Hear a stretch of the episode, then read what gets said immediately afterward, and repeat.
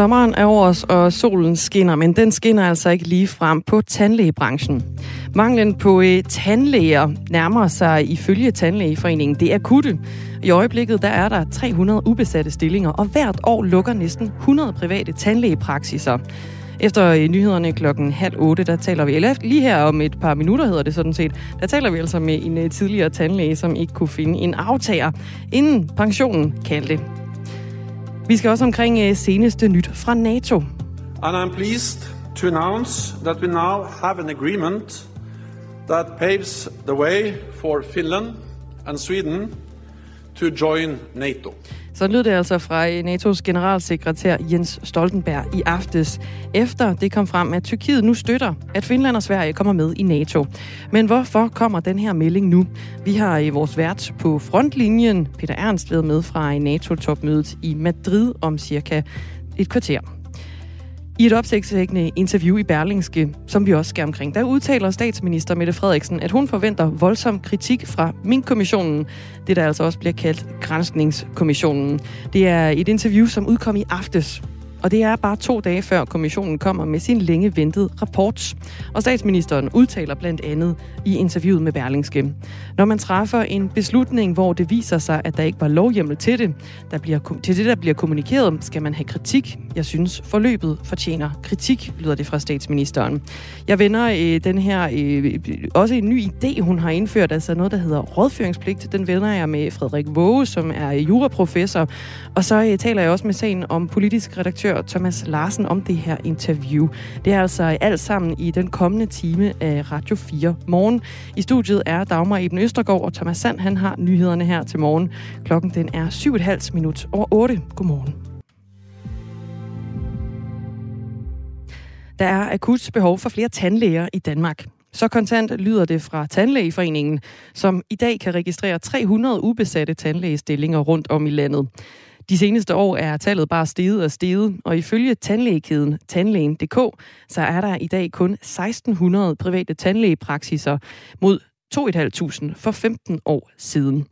Den store tandlægemangel, den går ud over folkesundheden, fortæller Susanne Kleist, som er formand for Tandlægeforeningen. Konsekvensen er jo, at du ikke kan få dit regelmæssige tandeftersyn til tiden. Og det betyder, at din risiko for at udvikle sygdom, den bliver større. Vi ved, at en sund mund hænger sammen med en sund krop. Og vi ved, at tandsygdomme hænger sammen med og kan forværre for eksempel diabetes, ledegigt, hjertekarsygdomme. Så den regelmæssighed, du får hos en tandlæge, som sørger for, at din mund er ren og at du ikke får parodontitis, kan være med til at sikre, at dit generelle helbred også bliver bedre.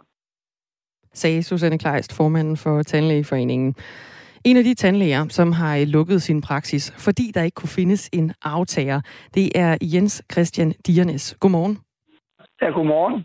Du måtte øh, lukke din tandlægepraksis i Salling Nord for Skive for to år siden. Hvor meget ja. kunne du mærke manglen på tandlæger, da du skulle finde en aftager? Det var tilbage i 2020. Det har jeg egentlig vidst i mange år bagud. Fordi øh, i vores område har der ikke været nogen, der har haft held til at sælge en praksis i lang tid. Øh, så det, der er sket, det er, at man har slået sig sammen og på en måde forsøger at løse nogle generationsskifteproblemer. Men der er så så meget blevet færre og færre tandlæger. Det vil sige, at, at mængden af tandlæger falder. Og det gør den i mange områder af Danmark. Ikke kun i, i, i hvad skal vi sige, udkants Danmark, men også i større byer. Så hvad, hvad gjorde du for at, at finde en, en aftager, inden øh, pensionen kaldte? Øh, jeg forsøgte gennem de kanaler, jeg havde, og de kontakter, jeg havde, og det netværk, jeg havde, og, og se, om man kunne finde nogle løsninger. Øh, det gav ikke noget, og øh, jeg forsøgte øh, gennem øh, øh, en mail, og selvfølgelig den traditionelle måde at gøre det på, om det kunne give nogle muligheder og det planlagde jeg allerede faktisk med at starte op på i 2019, altså egentlig året før jeg skulle uh, lave en, en, en, en løsning. Jeg havde uh, startet processen op i 19 og regnet med, at jeg skulle uh, gå fra uh, på en måde og, og enten arbejde på nedsat tid eller luk eller overdrage klinikken på en eller anden måde i løbet af foråret 2020. Og der kom coronaen selvfølgelig også noget ind i vejen. Der var flere udfordringer end, der, der, end tandlægemanglen. Der, der, der gik det jo altså stå det hele, så det gjorde jo, at, at, at jeg måtte øh, lægge mig ned og pænt og vente, fordi jeg havde øh, så en, en nedlukning, som jeg havde planlagt med personalet, og så kom corona oveni. Hvordan er det egentlig endt med din praksis, som du altså skulle, skulle give videre, Jens Christian Diernes? Det, det er endt med, at jeg måtte opgive. Og det vil sige, at jeg har drejet nøglen og lukket øh, mit APS. Øh, og øh, jeg har måttet bortskaffe en del af udstyret, fordi der ikke var nogen købere, fordi øh, depoterne rundt omkring er fyldt op med, med tandklinikker, ligesom min, der ikke bliver solgt. Så øh, det er jo et stort ressourcespil. Mm. Øh, det er jo ikke, fordi der mangler noget at lave, tværtimod. Og, Alle øhm, danskere har skrevet til tandlæge på et eller andet tidspunkt. Ja, øh, jeg prøvede nogle alternativer. Øh, jeg startede egentlig med at øh, gå i vores, øh, en af vores lokale aviser øh, på egen og øh, fortælle om min situation. Og øh, hvad skal man sige, den var igennem øh, påvirke lokalt, at øh, vil direkte at sige, at altså, vi skal faktisk have vores lokalbefolkning, der ikke får tandlægedækning til at reagere over for politikerne og sige, at de skal gøre noget ved det her. Ja, hvorfor tror du, det er så svært at rekruttere nye tandlæger, altså også dermed få solgt en, en, en tandlægepraksis? Det, det hovedproblem ligger i, at, øh, at de tandlæger, der går på pension nu, og den alder, de har, det er typisk folk, som når pensionsalderen. Det er ikke, fordi tandlæger går på, går på efterløn. Det er egentlig ikke det, der er problemet. Det er, fordi folk simpelthen går fra på grund af, at de når pensionsalderen, eller endda holder ud på den anden side af pensionsalderen. Øh, simpelthen fordi man uddanner for få tandlæger. Mm. Ganske enkelt. Og øh, det har en det har en forklaring, som, som meget kort kan siges, at man i ca. 1980 byggede en ny tandlægeskole og indvidede den i København i Palmstuttet. Og den havde en kapacitet, som var cirka den halve kapacitet af den tandlægeskole, man havde på Universitetsparken i København. Øh, så har man i årene efterfølgende også reduceret øh, ved, at man har reduceret ressourcerne til uddannelsen, både i København og i Aarhus, uddannet færre og færre kandidater. Og øh, det er jo klart, at når så de store afgange falder fra, jamen, øh, og der så kommer meget, meget mindre overgang ud, så kan man jo hurtigt se, at det her det går galt. Ifølge Tandlægeforeningen, så er det især i yderområderne i de nordlige og sydlige dele af Jylland, også på Bornholm, at manglen på tandlæger er størst. Over 90 private tandlægepraksiser lukker hvert år på grund af tandlægemanglen, lyder det fra tandlægekæden Tandlægen.dk. Og i øh, senest ja. i finanslov, der blev det vedtaget at optage 30 ekstra tandlægestuderende ved hver tandlægeuddannelse i Aarhus og også i København. Men ifølge Tandlægeforeningen, så øh, dækker det antal altså heller ikke det fulde behov for, øh, for, antal, for flere tandlæger, sådan som du også siger her, Jens Christian Diernes. Altså, der bliver simpelthen uddannet for få. Øh, hvad betyder det for dine tidligere patienter nu, at din praksis i Salling er, er lukket? Ja, det betyder, at de øh, skal øh, køre meget, meget længere, hvis de skal finde en tandlæge. Og at de sandsynligvis også kommer til at opleve, at øh, de kommer til at skifte tandlæge skille gange i forløbet, fordi der ikke er kapacitet nok. Og som I nævnte med i indslaget også, at der bliver en, en eller som der bliver nævnt i indslaget, at der kommer simpelthen til at gå længere tid, før man kan få en tid. Fordi der bliver ventelister. Ja, hvad kan det og, komme, til at, komme til at have konsekvenser? Jamen, det har nogle sundhedsmæssige øh, konsekvenser øh, for, for befolkningen på den lange bane, helt sikkert. Øh, det, jeg, jeg kender ikke de præcise tal, men som tager praktiserende tandlæger, så mener jeg, at situationen er, at der var flest øh, praktiserende tandlæger i Danmark, og det, der skal vi nogle relativt få år tilbage, der var tallet i rundt tal cirka 6.000. Og jeg vil tro, at efter det, jeg har fået oplyst, så er tallet under 4.000 nu.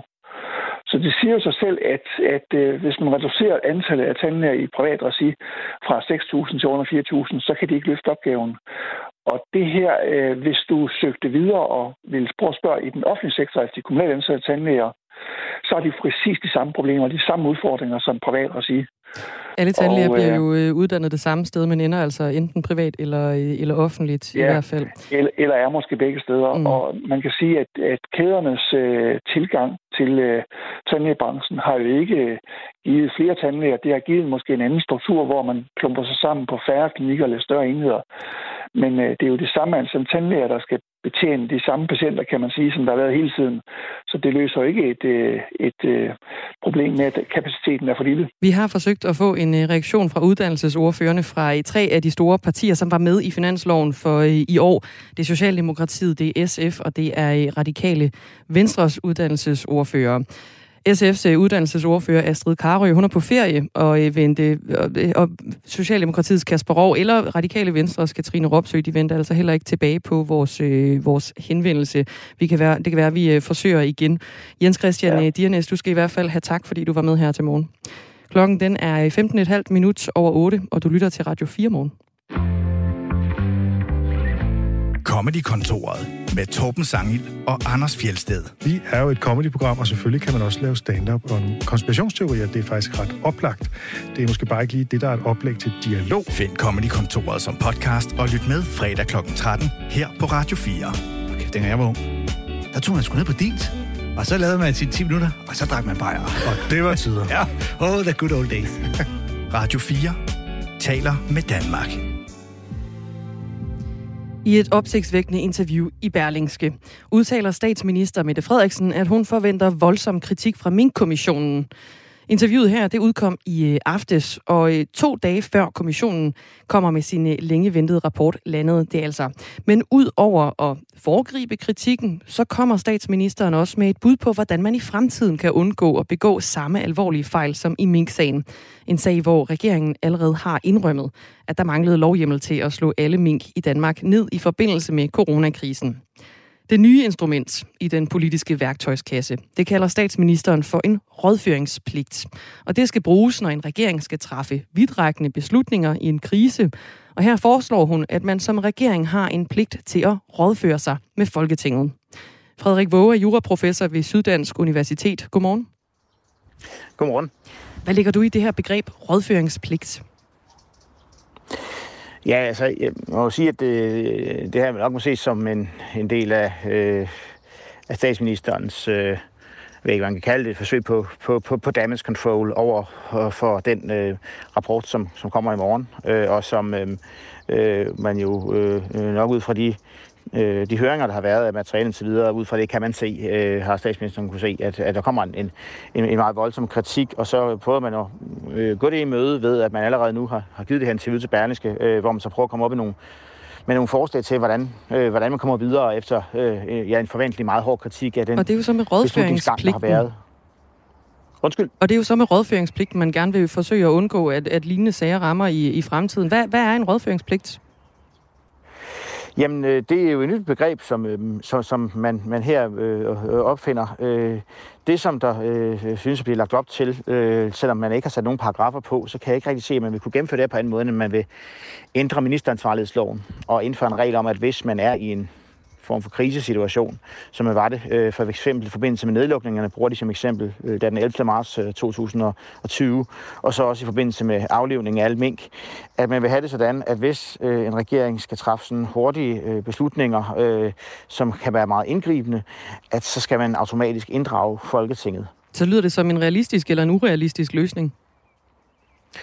Altså, øh, vi har allerede den løsning i forhold til udenrigspolitisk nævn. Øh, det er tydeligt, at øh, statsministeren ikke synes, ikke mener, at der skal være en form for vetoret for Folketinget i de her sager, men en form for, for, for, for, for, for øget øh, rådgivningspligt.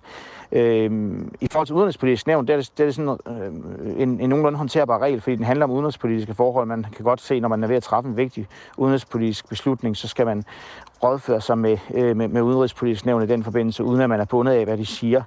Øh, den anden løsning, øh, kan man sige, den, den er måske lidt sværere lige øh, at afgrænse og sige, hvornår øh, træffer man beslutninger, der er så væsentlige og vigtgående, øh, at man skal forhøre sig hos, øh, hos Folketinget.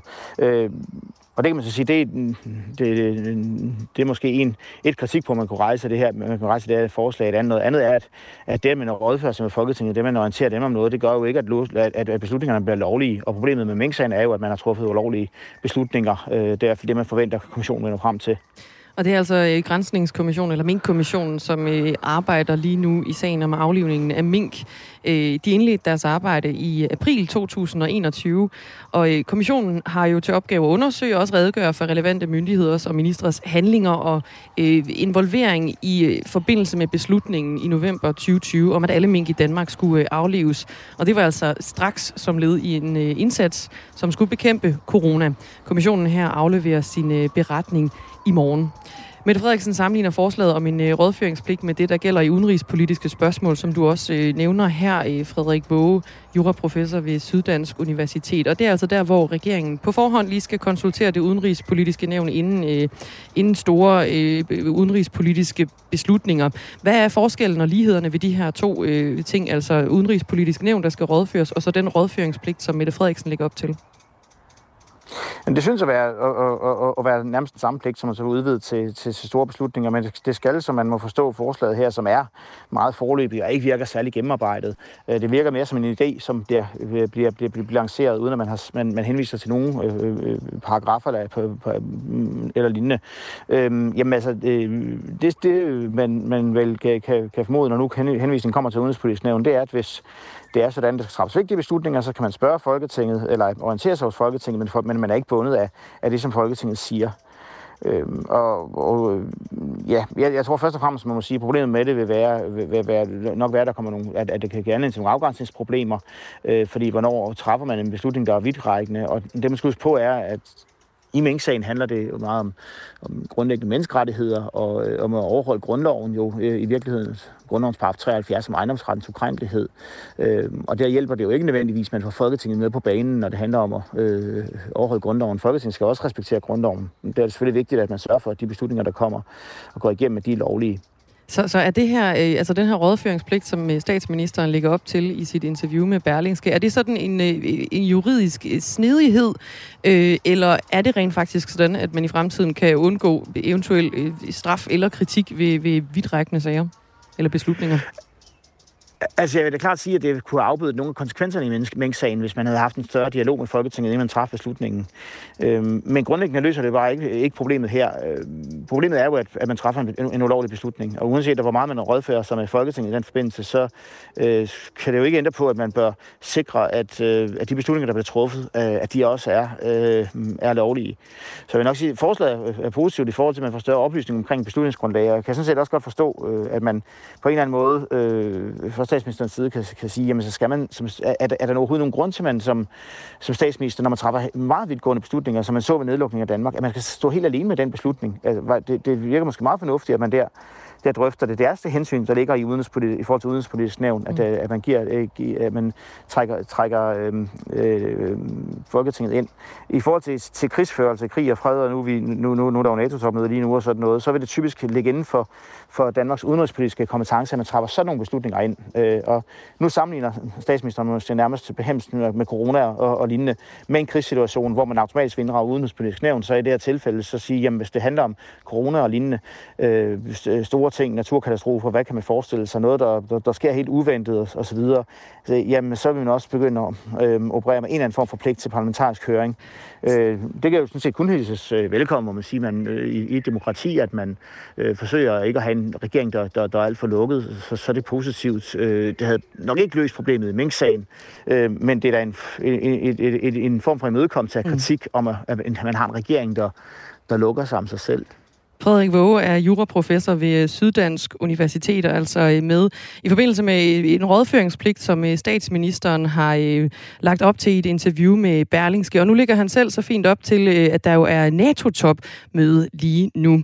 Og det skal vi faktisk omkring.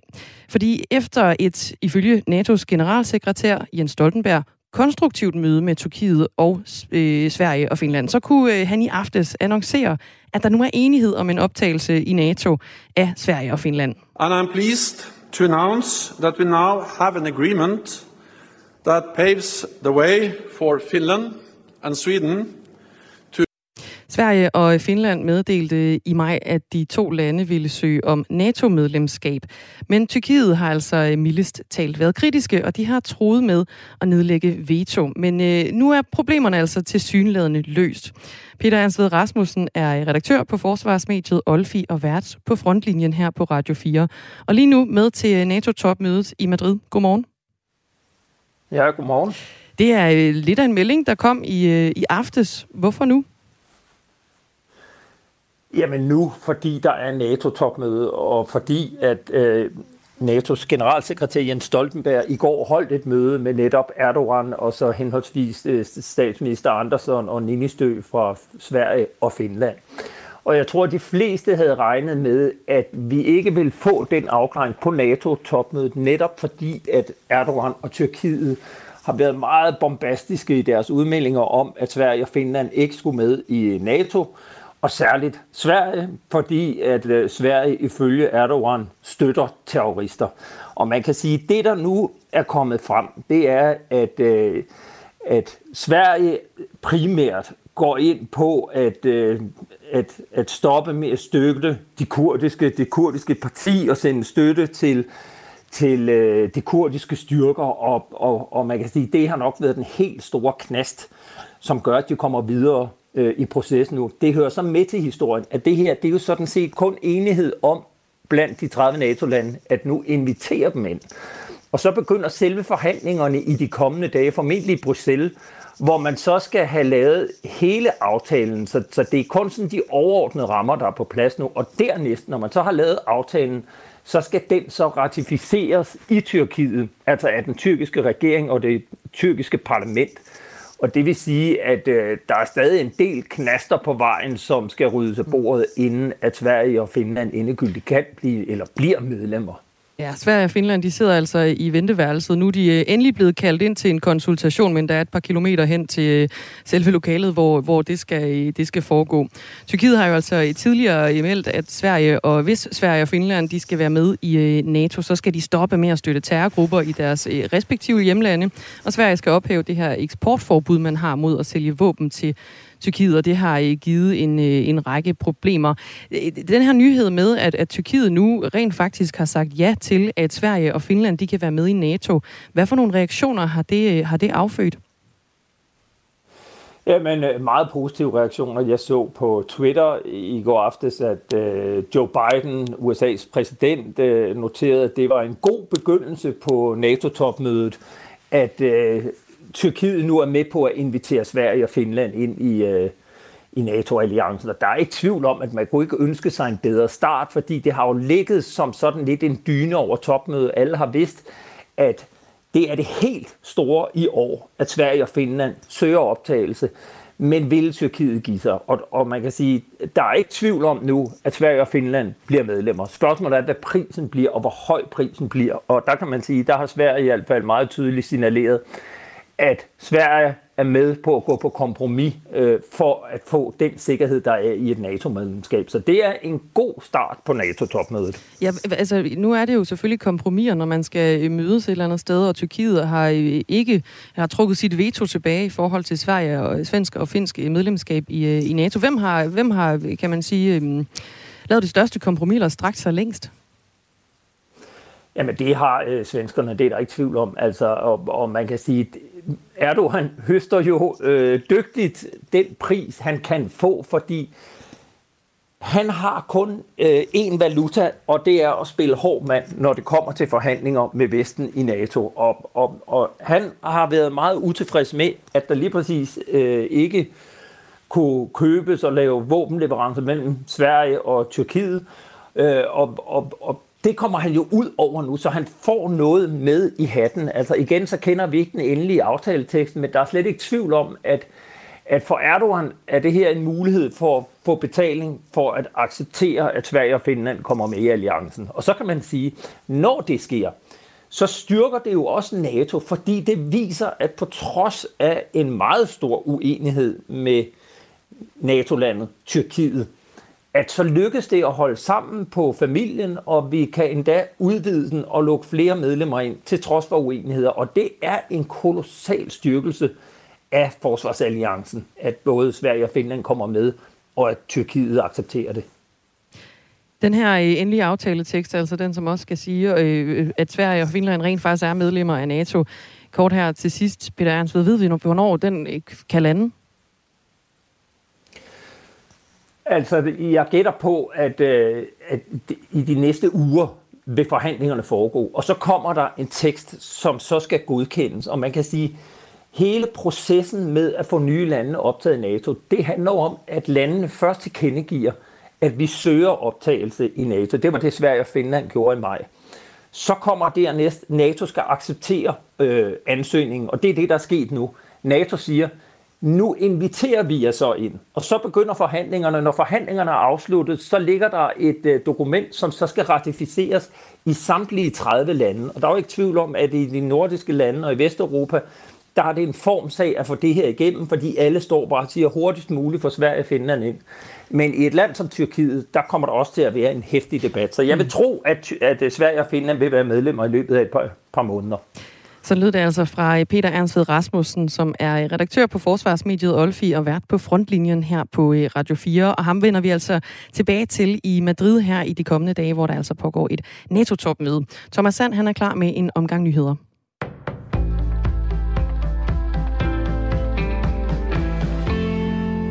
Den delvist russisk kontrollerede region Kherson i Ukraine har indledt forberedelserne til en folkeafstemning om at gøre regionen russisk. Det oplyser en pro-russisk embedsmand i en meddelelse på beskedtjenesten Telegram ifølge nyhedsbruget TASS. Vi er blevet enige om at begynde forberedelserne til en folkeafstemning i Kherson-regionen, og vi vil afholde den.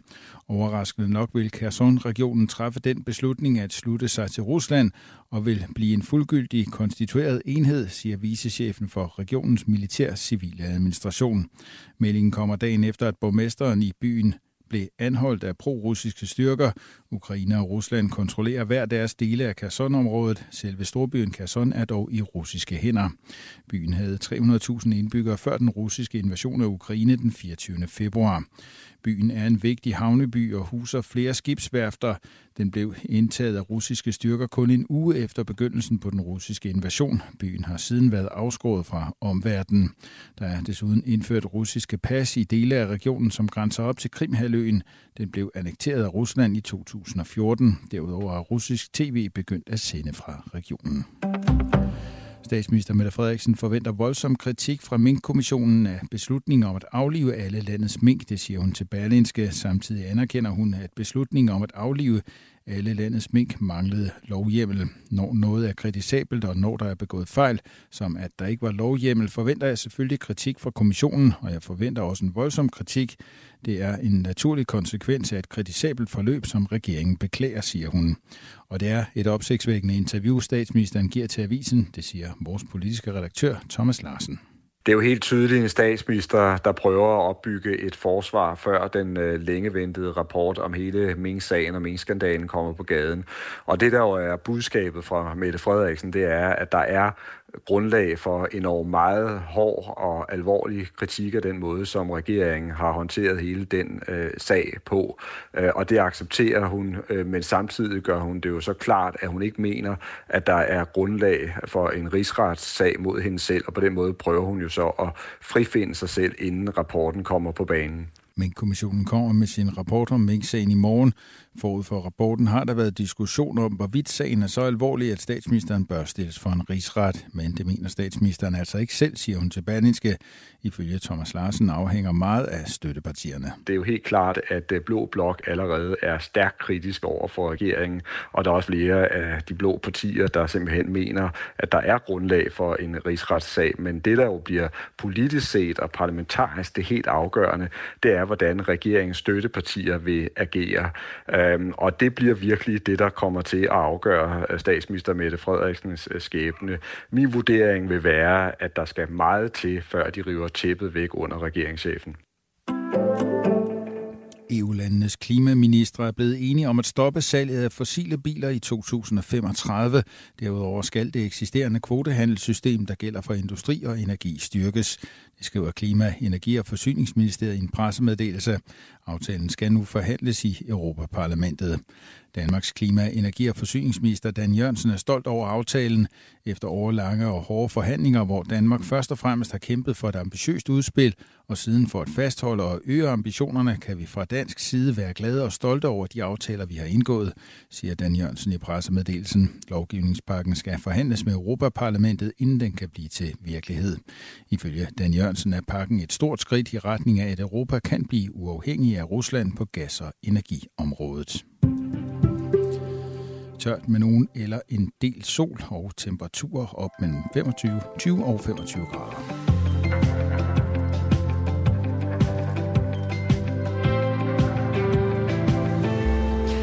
Der bliver altså øh, lagt op til øh, sommer i øh, vejrudsigten her med Thomas Sand. Og hvis der er noget, der kan ødelægge en varm dansk sommeraften, så er det dem her.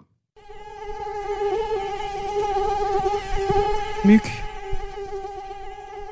Selvom myggestik øh, kan være voldsomt irriterende, så har vi i Danmark været vant til, at øh, det er det største problem med det her lille insekt. Men i fremtiden, så øh, kan det altså blive endnu værre end bare øh, kløe og irritation. Et nyt dansk studie peger nemlig på, at myg i Danmark i fremtiden kan bære alvorlige sygdomme med sig.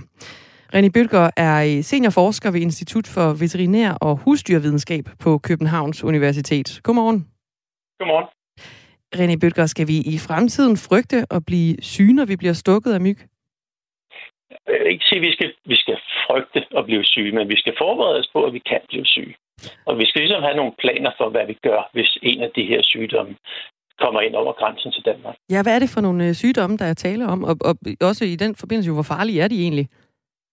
Men det er sådan lidt en blanding. Altså, vi, vi har nogle sygdomme, som ikke er det helt store problem, men, men som du siger, vi er jo vant til, at man aldrig bliver syg af, af mygstik, så det er, på den måde er det jo anderledes. Ikke?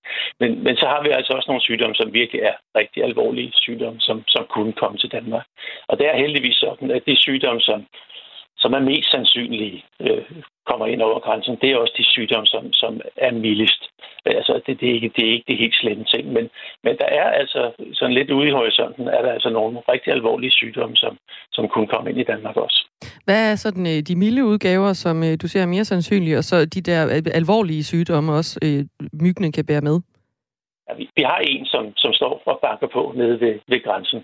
Uh, den, den hedder West Nile virus. Det er en virussygdom, som er i vilde fugle. Uh, og den kan spredes til både mennesker og heste. Vi kan blive rigtig, rigtig alvorligt syge af den. I værste fald dø af det.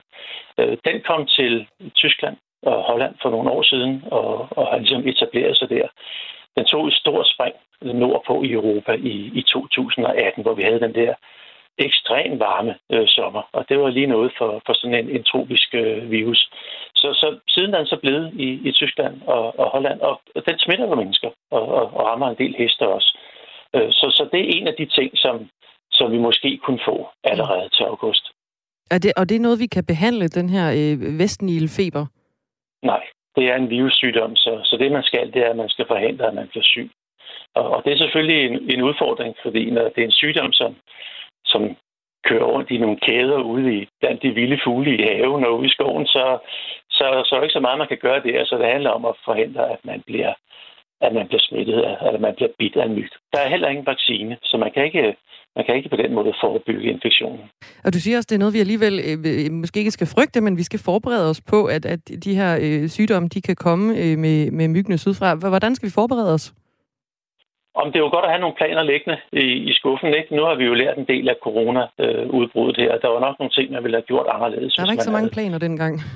Der var ikke så mange planer. Øh, det, at, nogen var der nu. Ja, ja. Men, men det er klart, at man vil jo gerne have dem så specifikke som muligt. Mm. Og det, man opdager ved de her meget store sygdomsudbrud, og det er det, vi øh, mest er interesseret i her, det er jo, at, at, at så er der mange lande, der lige pludselig slås om mundbind eller om, om PCR-diagnostik øh, og den slags ting. Så, så, så man skal lige tænke lidt dybere og ikke tænke, at det, det er måske bare et lokalt udbrud. Hvis vi får sådan et stort udbrud af, af en af de her mere eksotiske virussygdomme, så, så er vi nok ikke de eneste i Europa, der lige pludselig gerne vil øh, have fat i vacciner eller, eller behandling. Så så er der nogle ting, man kan gøre. Men en af de ting, der ligesom springer i øjnene, når man taler om de her myggebårne sygdomme, det er jo, at øh, det er jo ikke noget, vi nogensinde har gjort noget ved i Danmark. Vi har jo ikke nogen tradition for at bekæmpe myg i Danmark.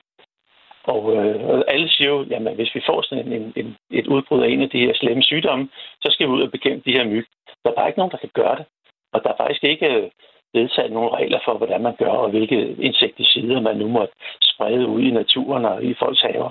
Så sådan nogle ting kan man jo sagtens gøre klar. Det er altså nogle af de planer, man kan øh, begynde at øh, rumstere på. Ifølge René Bøtger, som er seniorforsker ved Institut for Veterinær og Husdyrvidenskab på Københavns Universitet. Og det er altså i forbindelse med, at øh, der for fremtiden kan øh, komme myg til Danmark, som kan bære alvorlige sygdomme med sig. Det er et øh, nyt dansk studie, som peger på det. Vi skal videre til en anden stor historie fra i dag. Fordi i øjeblikket, der foregår øh, sagen mod Donald Trump og hans øh, rolle i angrebet på kongressen den 6. januar sidste år. Det var et angreb, hvor øh, kongressen blev stormet af vrede demonstranter, og hvor fem mennesker også mistede livet. Sent i aftes, der blev afhøringen af en øh, kvinde fuldt med ekstra stor bevågenhed. Hun hedder Cassidy Hutchinson, og hun var nemlig assistent for Donald Trumps stabschef Mark Meadows den 6. januar 2021. Og hendes afhøring her, den sætter ifølge journalist i USA, Anne Elling, Donald Trumps rolle i et helt nyt lys. Jamen egentlig så havde udvalget sagt, at de ville holde pause indtil en gang øh, hen i juli måned. Det var slet ikke meningen, der skulle være en høring i går. Den blev annonceret dagen inden meget pludseligt, uden detaljer egentlig om, hvad det var, der skulle foregå. De sagde bare, at de havde fået noget nyt øh, bevismateriale. Øh, og så kom altså denne her høring, som mange faktisk siger måske er den mest afslørende til dags dato.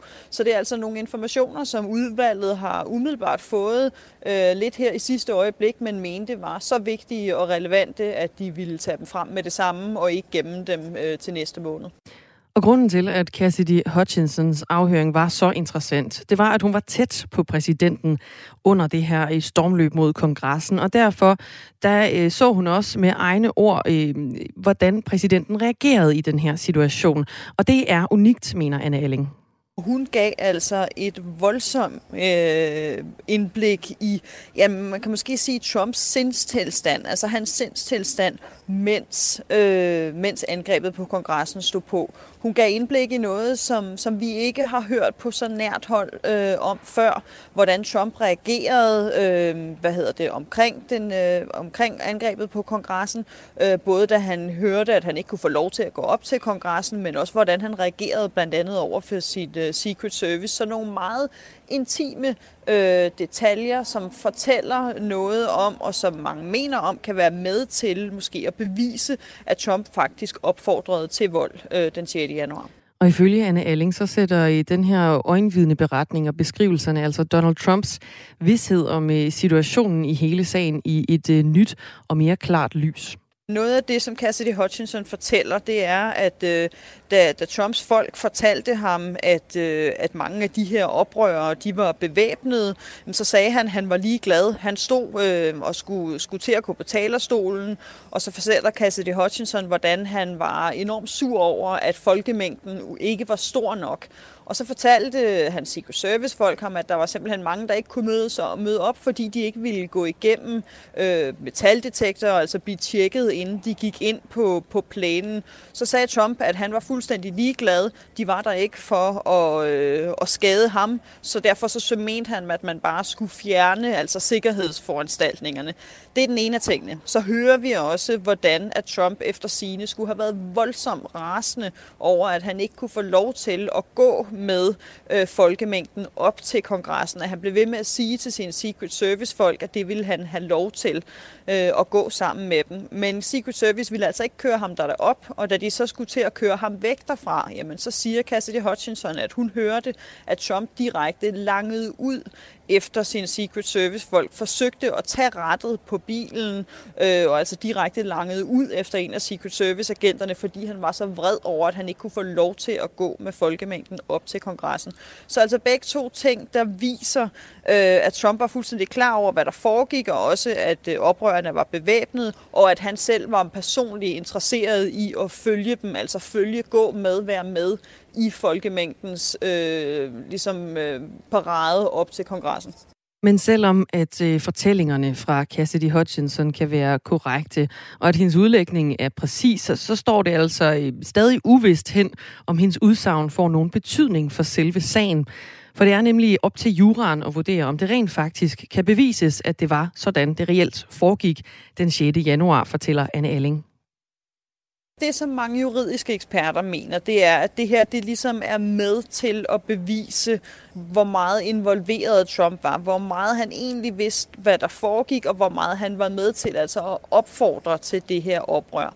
Men igen, altså, så er det jo noget, som kommer til øh, at være op til Justitsministeriet, om, om det er noget, som man ligesom mener er, er belæg nok for en egentlig sag øh, mod Trump. Men det stiller i hvert fald Trump i et mere kritisk lys nu, end, end inden denne her afhøring. Det, der måske kan være problemet, det er, at Cassidy Hutchinson, det er jo noget, hun fortæller, hun har oplevet. Det er ikke helt, altså hvor mange egentlig reelle beviser, hun egentlig har.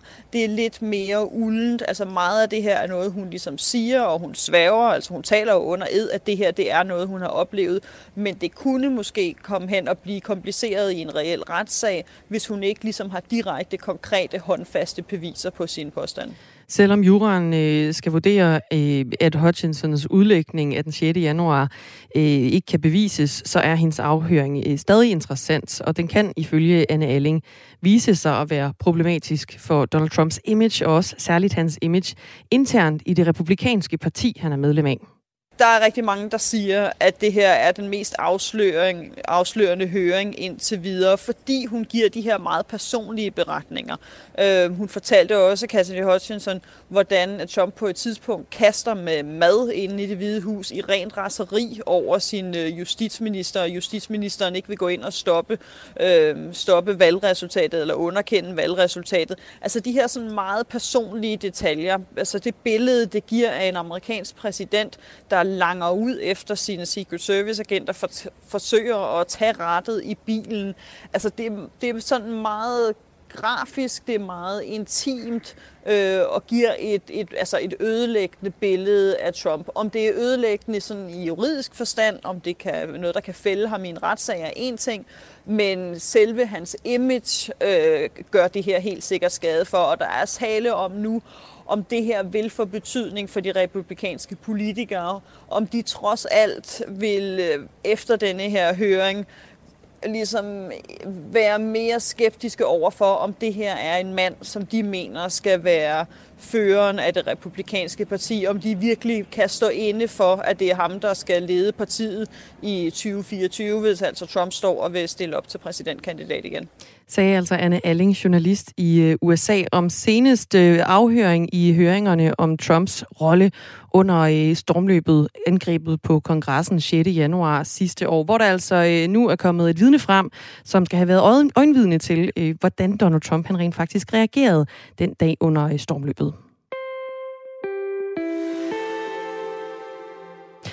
I Berlingske er der udkommet et opsigtsvækkende interview. Det udkom i aftes.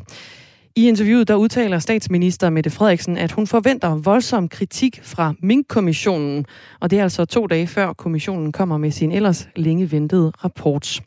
I det her interview med Berlingske, der udtaler statsministeren blandt andet, når man træffer en beslutning, hvor det viser sig, at der ikke var lovhjemmel til det, til det, der bliver kommunikeret, skal man have kritik. Jeg synes, forløbet fortjener kritik, siger statsministeren selv. Thomas Larsen, politisk redaktør på Radio 4. Godmorgen. Godmorgen.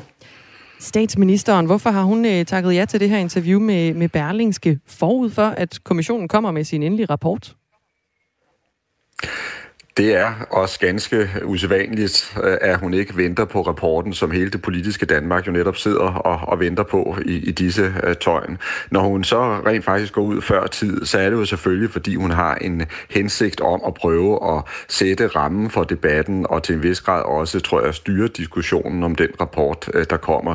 Det er så vigtigt at understrege, at altså, hun får rent faktisk stillet en masse meget relevante og kritiske spørgsmål i interviewet, så det er ikke sådan, at hun får en gratis uh, omgang, men hun prøver som statsminister at sætte rammen for den kommende øh, debat, og det gør hun så med en række meget centrale øh, budskaber, fordi som du ganske rigtigt er inde på, så erkender hun, at regeringen har begået store og alvorlige fejl, og hun øh, indrømmer også, at på det grundlag, så kan man sige, så er der virkelig lagt op til en berettiget hård kritik af regeringens handlemåde. Så på den måde kommer der nogle ret store erkendelser. Kritikken? Ja, det kan det, det, kan det, det, kan det være øh, øh, faktisk at, at, at, at lægge sig ned og erkende, at der er begået de her fejl. Så er det ligesom blevet sagt. Men det, der jo er det helt centrale budskab fra regeringschefen, det er jo, at hun så fører det op med en konstatering af, at hun mener ikke, at der er grundlag for at rejse en rigsretssag mod hende selv eller regeringen. Øh, og hun mener heller ikke, at der er basis for, at man skal til at sætte uvildige advokater til så at kuglegrave rapporten øh, og, og ligesom øh, gå videre ned i, i, i arbejdet med at afdække sagen. Så man kan sige, der kommer på den ene side nogle indrømmelser, nogle erkendelser og også en undskyldning fra statsministerens side, og på den anden side så forsøger hun så også at blokere fuldstændig for, at der skal være grundlag for at rejse en rigsretssag. Grænsningskommissionen kigger altså nærmere på sagen om øh, aflivningen af mink. De indledte deres arbejde tilbage i april 2021, altså for over et år siden. Kommissionen har så til opgave at undersøge og også redegøre for relevante myndigheders og ministres handlinger og involvering i forbindelse med beslutningen i øh, november 2020 om, at alle mink i Danmark skulle aflives straks som led i øh, indsatsen mod corona. Og kommissionen her afleverer altså sin beretning i morgen. Noget af det, der også kommer frem i, i det her interview, som statsministeren øh, øh, giver til Berlingske, det er et øh, løsningsforslag. Øh, fordi hun øh, kommer også med en øh, mulighed for at øh, lave noget, der hedder rådføringspligt. Og vi har også øh, fået en politisk reaktion fra Dansk Folkepartis formand, som er kritisk over for øh, interviewet, og ikke mindst øh, det her forslag, som statsministeren altså kommer med for at undgå en lignende minkskandale i fremtiden. Hun introducerer begrebet, som hedder øh, rådføringspligt, og det handler om, at en regering i fremtiden skal spørge Folketinget, inden man tager drastiske beslutninger, for eksempel som den, man så under hele øh, minksagen. Jeg synes, det er en bortforklaring. Altså, hvis statsministeren allerede nu erkender, at der er sket grove fejl øh, og, øh, og overtrædelser af reglerne, så synes jeg egentlig, hun skal overlade til, øh, til uafhængige folk og vurdere, hvad konsekvenserne af det skal være.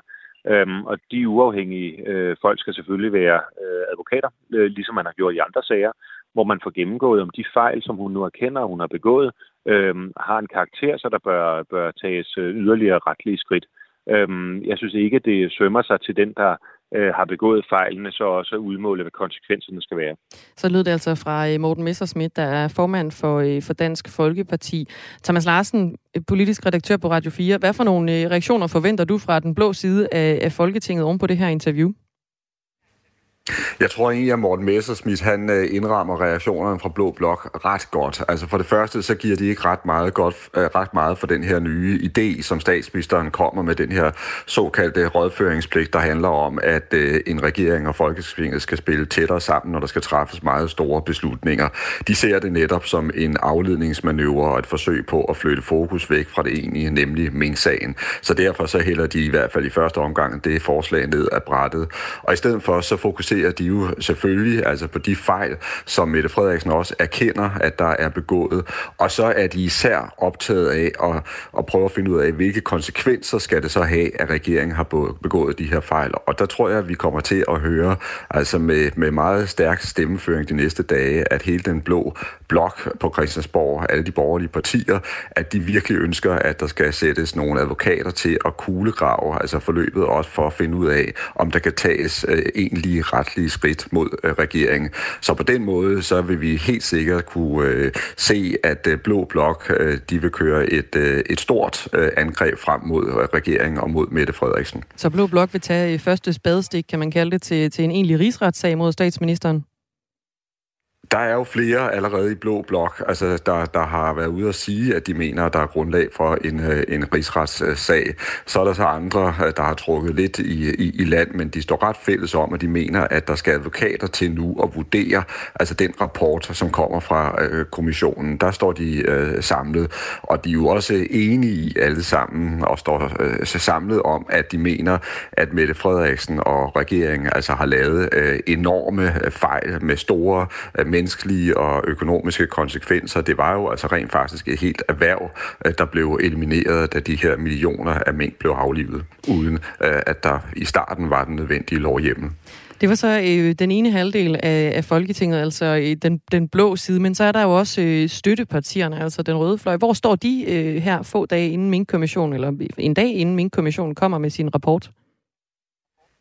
Ja, og det er jo så der, det rent faktisk politisk bliver helt afgørende, øh, fordi det er jo det, der kommer til at, at i sidste ende betyde, øh, hvilken skæbne øh, Mette Frederiksen og regeringen får. Og der er ingen tvivl om, at man på Christiansborg venter meget, meget spændt på, hvordan de tre støttepartier vil reagere på det her.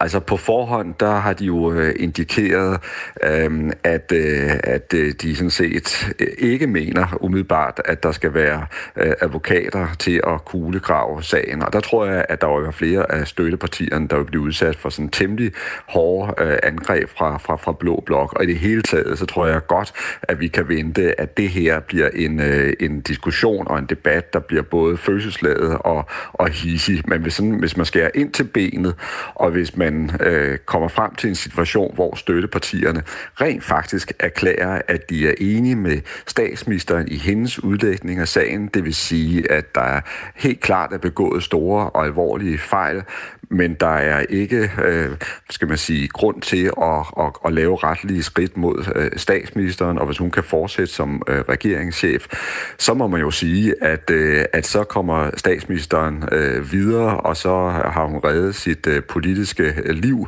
øh, og så er det en meget stor øh, og tung byrde, der på den måde altså forsvinder fra statsministeren og, og regeringen. Men som sagt, her der bliver det fuldstændig afgørende, hvordan de tre støttepartier de vurderer sagen.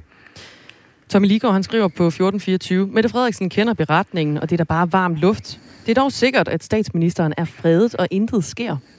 Kan der være noget sandhed i det, Thomas Larsen? Jeg tror stadigvæk, at støttepartierne de har tænkt sig at læse øh, den her øh, rapport med, med, med, med loop og forholde sig altså virkelig øh, øh, meget grundigt til, til konklusionerne. Øh, men det er selvfølgelig også klart, at det her det handler om, om, om, om politik, og, øh, og, og de vil flere af dem jo, altså måske også med en vis lettelse, øh, kunne konstatere, at hvis der rent faktisk ikke efter deres mening øh, er noget at komme efter for alvor i forhold til, til, til statsministeren, ja, så slipper de jo altså rent faktisk også for at, at trække tæppet væk under en regering, som de støtter. Øh, men der er rigtig meget på spil her, og det er også klart, at de vil få svært ved at forsvare at holde hånden over en statsminister, hvis øh, altså resten af Christiansborg, og hvis også en stor del af offentligheden, mener, at de lige præcis kun holder hånden over for hånden over statsministeren, fordi de, kan man sige, er i samme politiske blok. Under andre omstændigheder, det her det bliver en højspændt, og jeg tror også temmelig giftig debat, vi øh, bliver vidner til. Og min kommission afleverer altså øh, sin beretning i morgen. Den ved jeg, du holder i skarpt øje med. Thomas Larsen, politisk redaktør på Radio 4. Og vi holder naturligvis også øje her i Radio 4 morgen. Du har den måske i øh, hånden, i lommen eller liggende ved siden af dig lige netop nu. Min, den ligger ikke bare øh, mere end en, øh, den ligger ikke længere end en armslængde væk. Det er min trofaste følgesven, Apples iPhone, jeg taler om. Og den har i dag været på markedet i 15 år. Med iPhonen, der ændrede Apple, hvordan vi bruger vores telefoner. Det siger David Gullager, som er tech- og gadget-ekspert. Jamen altså, øh, før det så var en telefon, det var jo mere sådan en, som man, øh, man benyttede sig at snakke i. Det, som jeg også gør nu. Uh, det var en, der man havde med sig, men det var ikke en, du havde et forhold til.